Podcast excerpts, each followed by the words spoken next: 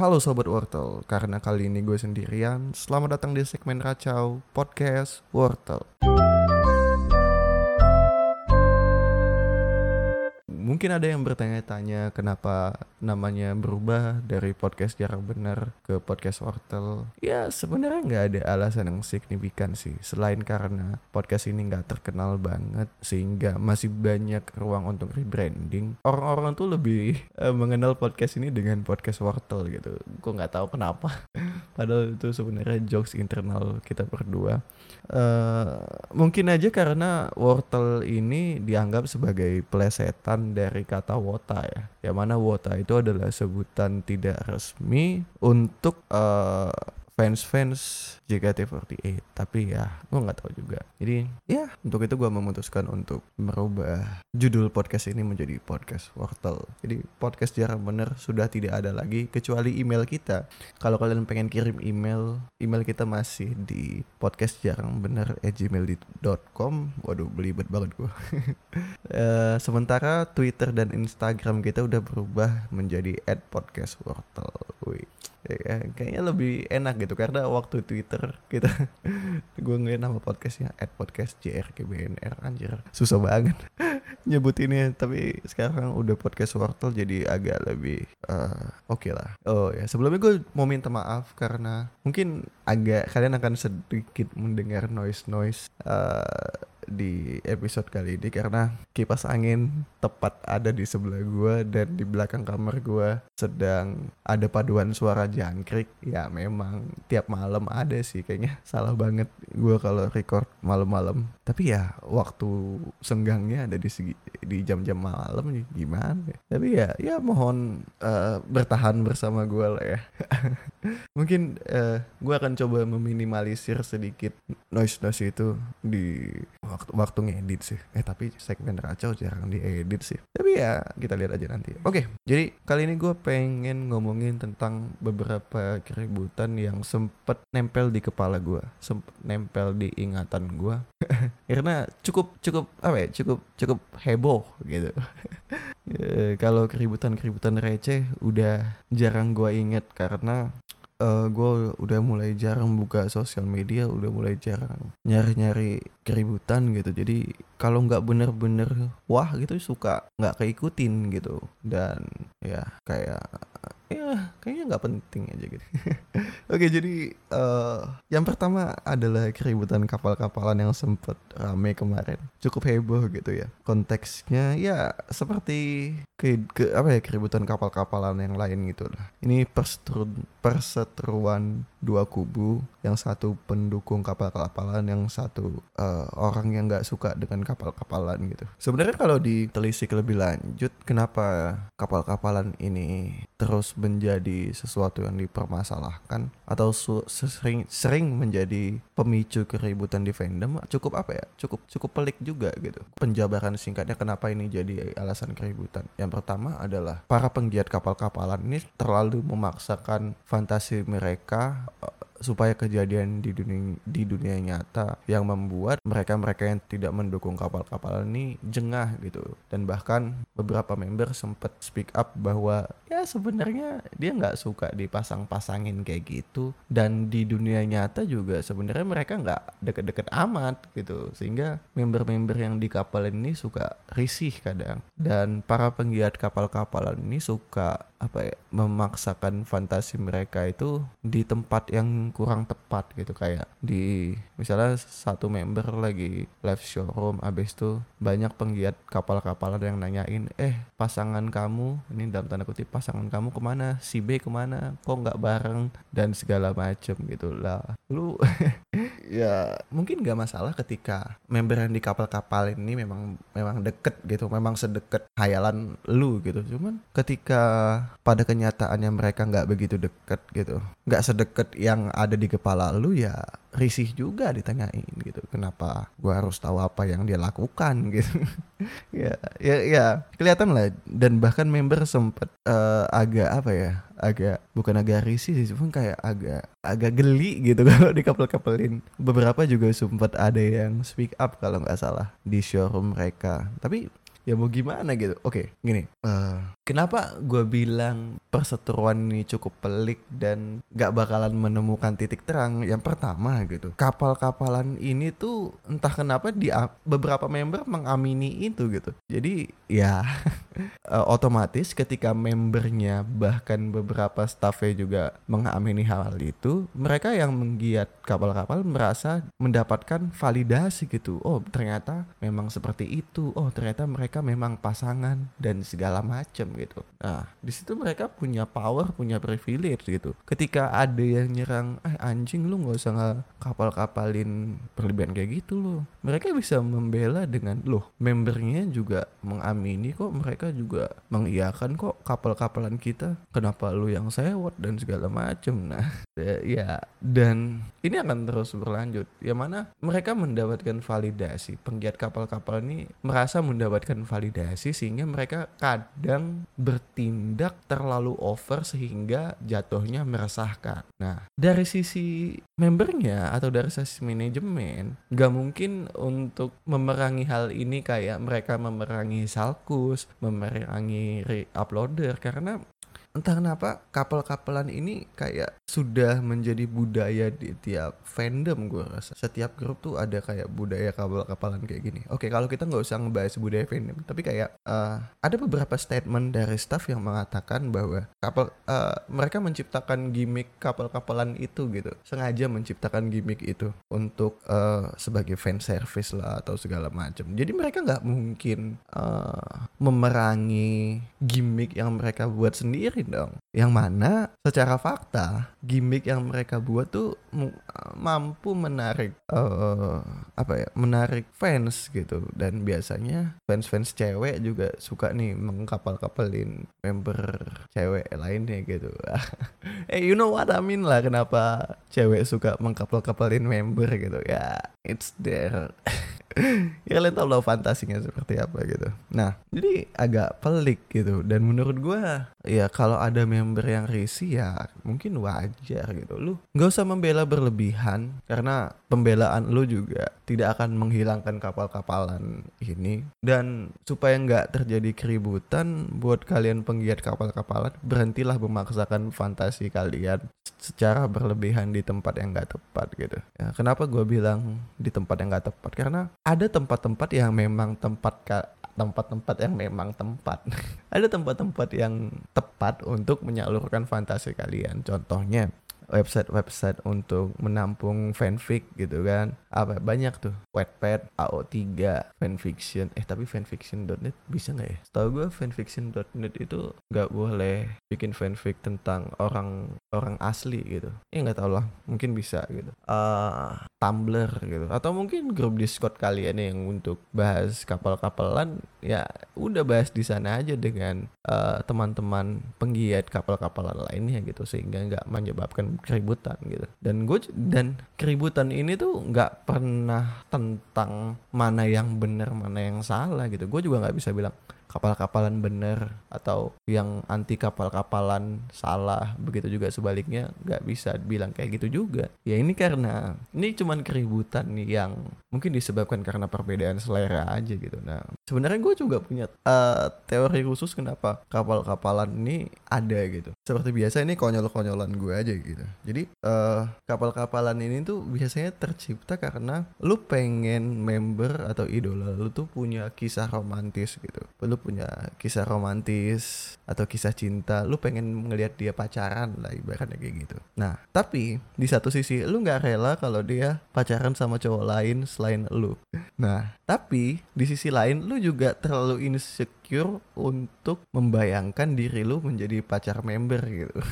Atau memilih atau membayangkan diri lu punya kisah romansa bareng idola lu atau member. Jadi cara yang paling safe safe cara yang paling aman adalah lu membayangkan member lain punya kisah romansa dengan temen satu grupnya gitu.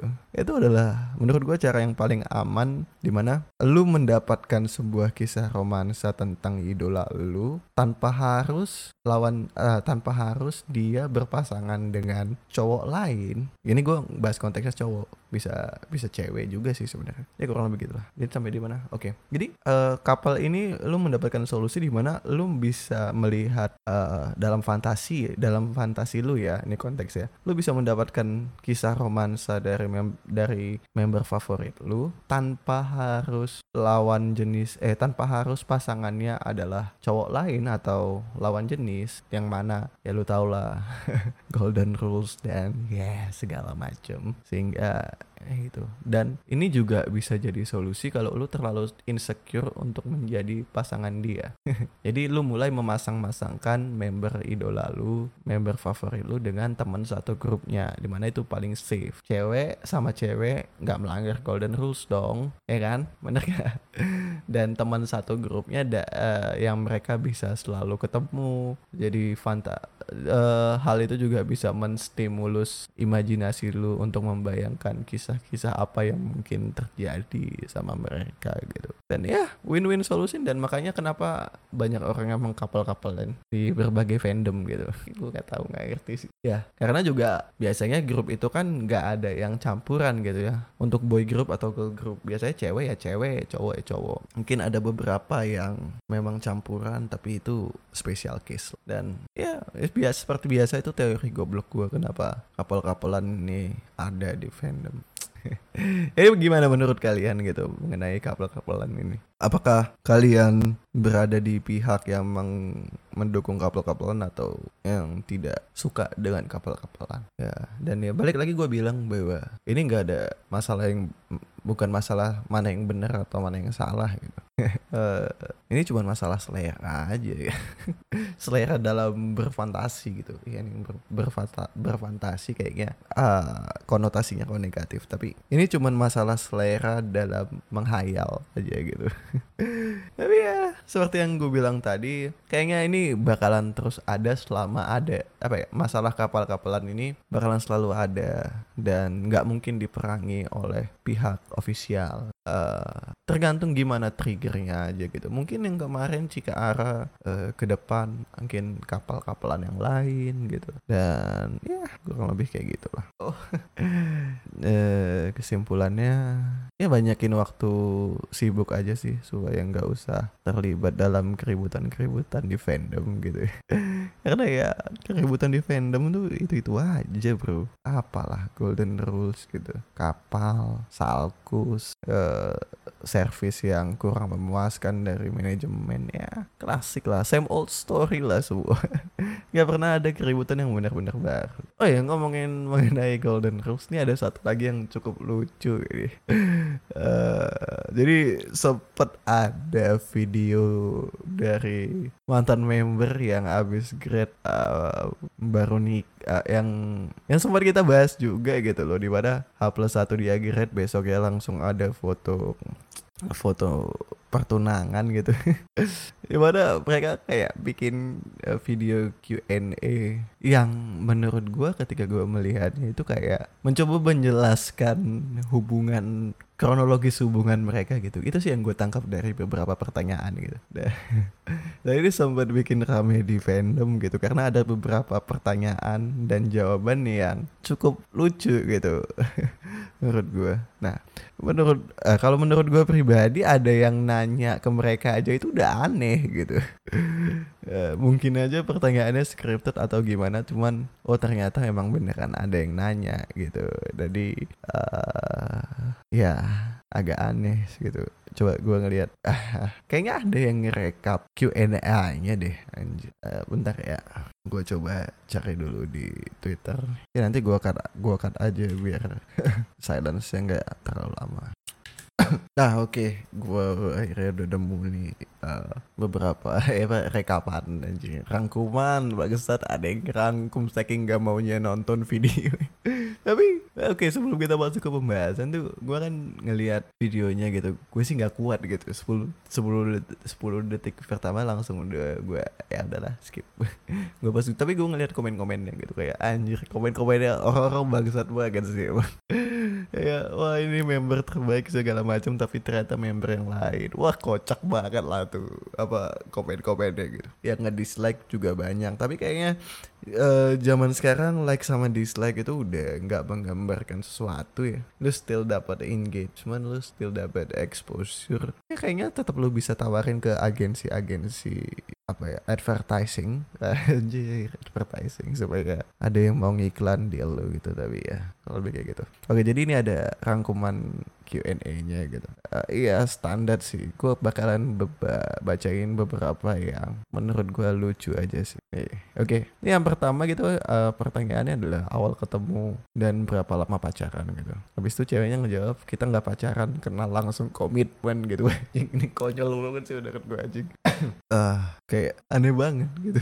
Kita kenal tuh langsung komitmen kayak, kayak ceweknya. Lu kayak apa ya? Kayak donor ginjal anjir. Udah kenal sama yang cocok langsung komitmen gitu ya udah besok kita mulai operasi atau gimana lucu banget analoginya donor ginjal anjing habis itu yang cowoknya ngejawab setelah pertemu kita memutuskan untuk apa, ya, lebih tepatnya memaksa ceweknya untuk nikah sih. Si cowoknya bilang eh mau nikah nggak? Kalau nggak ya udah gue cabut lah. Masih kayak gitu banget gitu. Maksudnya biar dia meneruskan karirnya gitu. Dan uh, ya lu kan lu ketemunya nggak mungkin tiba-tiba ketemu aja dong. Lu pasti ketemunya di ketika dia jadi member dan lu sebagai fans gitu kan. Lu ketemu di luar jam kerja ya oke okay lah ketemu di luar jam kerja masa? Ah, kayak gitu. Dan lu menawarkan untuk nikah dan ya ketika lu menawarkan untuk nikah dan di si ceweknya mengiyakan kan nggak mungkin. Besoknya langsung nikah dong. Pasti ya lu ada hubungannya lah. Ada, ada bakalan ada PDKT segala macam bullshit lah kalau sekarang. Kenal kenal langsung komitmen tuh tai kucing lah. Gue sih nggak percaya yang kayak gitu. Apalagi di ibu kota. Apalagi lu public figure. Apalagi lu antara idola dan fans ya tai kucing lah. Kenal langsung komitmen anjing. Ya tapi ini pendapat gue pribadi aja gitu ya. Kalau lu punya pendapat lain ya nggak apa-apa gitu nah akhirnya ternyata cewek di ini gue balik baca ke rangkumannya lagi jadi si ceweknya mengiyakan lalu dia ngurus proses pengajuan pengunduran diri dan si cowok mengurus mengenai pernikahan mereka gitu. Nah uh, kita lihat lagi mana pertanyaan yang menarik. Nah ini nih uh, kayaknya pertanyaan selanjutnya itu to shoot dulu apa kenalan dulu? Si cewek ngejawab to shoot duluan. Sebelumnya kita nggak pernah interaksi lewat japri japri japri gitu. Uh, nggak pernah. Habis itu cowok jawab dia nitip uh, temennya birthday tusut kamu 2020 sebelum pandemi itu akhirnya nggak jadi. Bahkan belum ada interaksi gitu sebelum itu oke. Okay. selanjutnya nih ini bener gue lucu juga nih. Pertanyaannya adalah cara nembak atau jadian eh cara nembak akhirnya hingga jadian kapan di mana kenapa? Nah jadi si cowoknya ngejelasin uh, kalau gua relatein sama pertanyaan ini ya jawabannya ini kan logikanya nih ya menjawab uh, tentang kronologis jadiannya kapan di mana kenapa gitu. Oke jadi cowoknya ngejawab di mobil depan Indomaret. Jadi gimana gimana itu mereka beneran lagi first date. Ketemu dia jam 11 buat gua yang gampang feel sama cara ngomong orang gerak-gerak orang tuh terus tiba-tiba gua merasa nyaman sama cewek ini.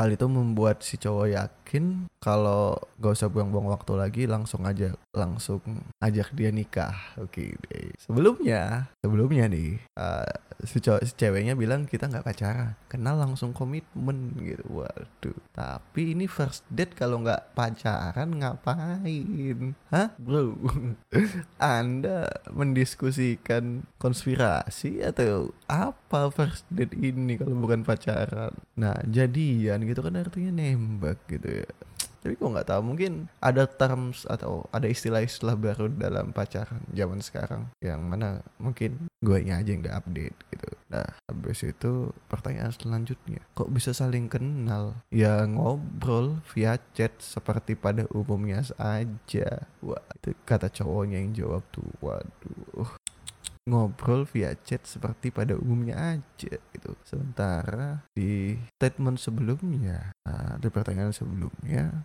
uh, mereka bilang, nah ini nih menurut gue yang apa ya, yang mungkin agak ngetwist gitu. Sempet, rame uh, bahwa mereka gue nggak tahu nih gue yang salah nangkep atau gimana. Cuman banyak yang memperma yang ngeributin kalau katanya nggak ada japri dan segala macam tapi uh, kenalnya lewat chat seperti pada umumnya. Itu kan berarti ada japri gitu. Nah mungkin ini banyak yang ngeributin karena merujuk pada pertanyaan yang belumnya yaitu to shoot dulu apa kenalan dulu gitu. Nah jadi uh, kalau kita gue nih berdasarkan rangkuman gue nggak nonton videonya ya. Mungkin aja gue bisa salah gitu. Nah di di pertanyaannya sebelumnya tusut dulu apa kenalan dulu? Gitu. Tusut duluan dan ini gue halat bahwa karena sebelumnya benar-benar nggak pernah interaksi lewat japri japri itu nggak pernah. Nah berarti setelah tusut uh, baru mereka mulai japri japrian gitu. Jadi nggak kayaknya nggak ada. Ini gue belum baca semua rangkuman ya. Mungkin aja nggak ada statement yang mengatakan bahwa mereka nggak pernah japrian gitu. Tapi mereka tidak pernah japrian sebelum tusut gitu. Setelah tusut baru mulai japri ya gitu. Jadi kayaknya mungkin aja gue salah nangkep tapi kayaknya nggak ada statement yang uh, mengatakan bahwa kalau mereka tuh nggak pernah japri ya mungkin. Tapi kan ya lu kan tahu gue kan goblok dan tidak kredibel ya jadi kemungkinan besar gue salah habis itu. Nah selanjutnya yang menarik lagi nah ini nih ada pertanyaan uh, gimana rasanya pacaran backstreet gak ketahuan? Uy, si ceweknya ngejawab dibilang gak pacaran sambil mukul meja gitu. Waduh. Ya gimana say agak ini agak kontradiktif sih gitu. Karena si dari statement cowoknya dia bilang kalau first date-nya itu di depan Indomaret ketemu jam 11 gitu kan. Jadi ya lu kan udah first date gitu udah first date udah kencan lah ibaratnya kencan pertama. Dan setelah kencan pertama itu lu mempunyai penilaian bakalan pengen lanjut atau enggak kan? Gitu ya.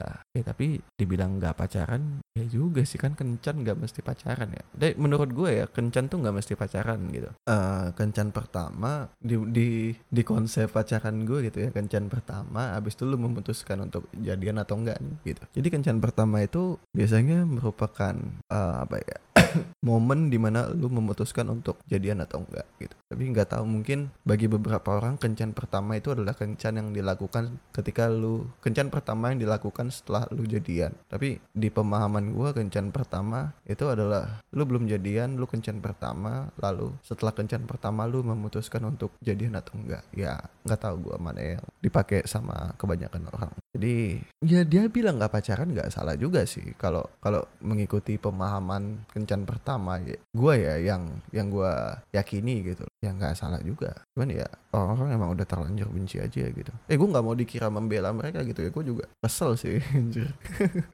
tuh eh ini nggak penting ah nggak nggak lucu habis itu. Nah, ini nggak penting. Habis itu nih apa nih? Uh, nih pas ketemu dan diajak nikah ekspresinya panik atau loading? Ini pertanyaannya. Si ceweknya juga ngejawab karena pas kita jalan ke pas kita jalan itu berarti waktu jadi member udah jalan gitu ya. Di sorenya dia udah kode-kode iya karena aku tuh abis ini kalau kenal cewek maunya langsung nikah. Terus kayak ya kan ini lagi kenal sama gue berarti gue mau diajak nikah dong. Itu asumsi si cewek kayak gitu ada takut uh, ada takutnya di situ. Eh ternyata benar. Malamnya langsung ditembak kayak mau komitmen gak kalau nggak turun dari mobil gue. Ah gimana? Ya gimana? Mau komitmen? Ini sih sering yang banyak jadi jokes juga sih. Jadi mau komitmen gak kalau nggak turun dari mobil gue. Di kepala gue mungkin. Kenapa ceweknya mau nerima perminta uh, ajakan untuk komitmen ini? Ya karena dia takut nggak bisa pulang gitu. Mungkin kan ini bercanda loh nih hayal-hayalan gue. Jadi mereka ngedate dibawa ke jalan-jalan sepi yang jauh dari rumah si uh, tempat asing lah. Habis itu sengaja tuh cut berhenti mobilnya di depan Indomaret. Antah berantah misalnya kan cut ditanya lu mau komitmen nggak? Kalau nggak lu turun dari mobil gua. Lah si ceweknya kan dia jauh dari rumah jauh dari kosan nggak tahu tempat ini ada di mana. Ketika ditembak pertanyaan kayak gitu wah anjir ntar gue pulang gimana? Gitu kan. Makanya yaudah yaudah gue mau komitmen. Gitu. Dan akhirnya mereka jadilah menikah sekarang ya tapi nggak tahu sih. Banyak banget jokes jokes yang lucu mengenai statement ini ya. Mengenai statement mau komitmen atau enggak kalau nggak turun dari mobil gue lu bisa menemukan banyak lah di twitter dan menurut gue ya. Ya mungkin ini juga konteksnya bercanda gitu ya. Aneh aja gitu. Rasa kalau nggak mau diajar nih kalau turunin orang di jalan nggak bertanggung jawab. Kan dari awal lu yang ngajak dia jalan. Kenapa? Karena nggak mau nikah ditinggalin orangnya. Anjir. Tapi lucu banget sih kalau dibayangin ya. Banyak apa ya what if what if yang kocak gitu habis itu hmm, ini nggak penting uh, mm, mm, mm. aduh udah habis lagi yang lucu gitu ya ya udah kayaknya itu aja yang apa ya statement statement yang lucu-lucu gitu jadi ya kurang lebih ini sempat ramai-ramaikan apa ya fandom juga gitu. Banyak yang ngasih statement dan segala macam pokoknya banyak yang lucu-lucu lah. Di Twitter lucu-lucu. Banyak yang ngedislike juga. Lucu komen-komennya juga lucu anjir. Dan ah, aneh banget sih. Tapi Uh, kalau kita kalau gua bukan kita ya kalau gua lihat uh, dari kacamata yang sedikit lebih luas gitu uh, gua nggak tahu kenapa kayaknya mereka tuh sedang mencoba untuk nge-rebranding diri mereka lagi deh kayak gitu gitu karena uh, khususnya untuk di pasar ini gitu karena ya power mereka pasar yang mereka kenal ya pasar fandom JKT gitu JKT JKT tapi fandom JKT gitu kan. Uh, dan karena kejadian sebelumnya mereka udah kehilangan trust nih dari sebagian besar. Gue bilang sebagian besar ya. Uh, sebagian besar fans JKT gitu. Gue gak tahu uh, apakah mereka memang khusus mengincar pasar ini atau cari pasar lain. Cuman kalau untuk memulai ya memang yang paling tempat yang paling tepat ya adalah fandom JKT gitu di mana mereka pernah punya exposure dan engagement di sana. Anjir udah jam segini. Bentar lagi ngaji-ngaji nih masjid. Uh, Oke, okay, jadi kita percepat aja ya. Jadi uh, gue juga riset sedikit gitu kan. Gue pengen ngecek channel cowoknya, ternyata udah nggak ada gitu. Gue nggak tahu udah nggak ada atau ganti nama. Cuman channel yang dengan nama yang dulu tuh gue lihat udah nggak ada udah dihapus gue sempet cari-cari linknya dan dan kayaknya udah dihapus gitu gue gua nggak tahu kenapa ya analisis goblok gue adalah karena dua-duanya si cewek dan si cowok udah kehilangan trust dari pasar mereka sebelumnya yang itu fandom gitu. Sehingga kalau mereka mau ngelanjutin bahas JKT lagi di konten mereka yang lama agak susah gitu. Jadi mereka mungkin ini kayak mencoba mencoba untuk rebranding. Sekalian ngetes ombak apakah pasar mereka ya ini pasar fandom JKT ini masih relevan atau enggak? Dan ternyata bisa kalian simpulkan sendiri dari reaksi fandom terhadap video mereka gitu. Dan ya gue nggak tahu sih. Gue ngelihatnya kayak ya ini adalah desperate move aja gitu. Uh, apa ya langkah-langkah yang diambil ketika lo uh, apa ya lu mencoba untuk relevan lagi di pasar yang udah lo kecewakan gitu. Dan apakah works atau tidak ya gue nggak tahu. Dan gue yakin ini adalah apa ya adalah uh, adalah sesuatu yang sudah dipikirkan dengan matang. Di mana ya jelas lah cowoknya konten creator punya tim pasti ada brainstormingnya nih. Ah kita bikin apa nih? Anjir. Nggak karena nggak mungkin. Apalagi yang bisa uh, lu harapkan gitu dari dunia entertain dari dunia influencer di mana lu udah kehilangan trust dari followers followers lu gitu. Ya ini kayak ya udahlah do or die aja lah kita coba aja. Bisa nggak kita rebranding untuk balik lagi relevan di pasar yang lama? Nah setelah mungkin setelah video ini mereka punya apa ya punya data untuk memutuskan bakalan coba untuk guide pasar fandom lagi atau ya udahlah kayaknya kita move on coba cari pasar yang baru gitu yang mana jelas lebih susah gitu. Ibaratnya kalau lu bisa memelihara fandom ini bahkan setelah lu keluar dan gak jadi member lagi itu bakalan jadi aset yang sangat berharga ketika lu juga memutuskan untuk menjadi seorang influencer atau tetap di, di dunia entertain. Jadi lu tetap membawa fans lu membawa followers lu yang bisa lu jadikan nilai jual atau bisa lu jadikan value lu ketika lu memutuskan untuk menjadi influencer atau atau mungkin tetap di dunia entertain gitu. Ya seenggaknya lu punya wah anjir gue punya fans nih fans gue segini followers gue segini dan mereka masih dalam tanda kutip sayang sama gue gitu masih ngikutin gue. Akan sulit uh, ketika lu uh, udah kehilangan trust dari fans lu habis itu lu memutuskan untuk tetap di dunia tetap di dunia influencer dengan mengharapkan mereka bakal tetap ngikutin lu dan bakalan menjadi bargain value lu gitu. Ya lu aja mereka aja udah nggak terasa sama lu lu ngarepin apa lagi gitu kan. Lu mau ngarepin mereka ya susah juga gitu. Lain cerita kalau lu ketika lu udah nggak jadi member tapi dan ya udahlah gue mau hidup sebagai mbak mbak biasa casual dan segala macam ya lu nggak peduli uh, ya lu nggak nggak harus dalam tanda kutip melihara fans lu gitu. Lu kehilangan trust dari mereka juga nggak apa-apa. Toh ujung-ujungnya lu kan tidak akan dalam tanda kutip membutuhkan segitu banyak followers kalau lu mau jadi hidup mbak-mbak menjadi melanjutkan hidup sebagai mbak-mbak biasa gitu. Ya tapi seperti biasa. Ya itu kan analisis goblok gue aja. Kalau gue yakin banyak yang lebih pinter banyak yang lebih kredibel untuk membahas masalah ini. Gue sih buat lucu-lucuan aja sih. Hmm, ya nggak tahu lah. Jadi kira-kira uh, apa ya? Sebenarnya ini gue selalu dipikir-pikir ini berhubungan sangat sangat berhubungan dengan episode kita yang ngebahas mbak-mbak ini ya. Kita ngebahas mbak-mbak ini di beberapa episode yang lalu dan kalau aja dia nggak pasang muka tembok dan bersikeras apa ya dan sangat mengikuti egonya gitu ya lu masih bisa tetap me melakukan penetrasi ke pasar fandom sembari menggait pasar-pasar di luar fandom gitu. Ya ya. Lu nggak se eh gimana bilangnya? Ya kalau aja lu nggak kehilangan trust dari para fans ketika lu grad eh, semuanya bakalan lebih mudah lah ya. Ketika lu lu nggak harus rebranding segala macam ya semuanya akan lebih mudah aja sih kelihatannya gitu. Gitu. Dan ya kayaknya itu aja untuk segmen racau kali ini ya. Uh, cukup banyak juga cukup panjang juga. Dan uh, gue nggak tahu nutupnya gimana tapi ya itulah uh, segmen racau untuk kali ini. Oh ya buat kalian yang uh, mau kirim-kirim email dan segala macam atau pengen meluapkan keresahan kalian yang nggak bisa kalian luapkan di akun Twitter utama kalian kalian bisa langsung aja kirim ke email kita di podcast Wortel ya kok email sih? Uh, bisa DM kita di Twitter di podcast Wortel at podcast Wortel nanti bakalan kita bahas di podcast ini. Dan kita lucu-lucuin aja. Dan tenang aja identitas kalian tidak akan diungkap kit kalau kalian tidak mau ya. Uh, dan kita juga habis dibahas dilupain gitu. Uh, sampai ketemu di episode selanjutnya.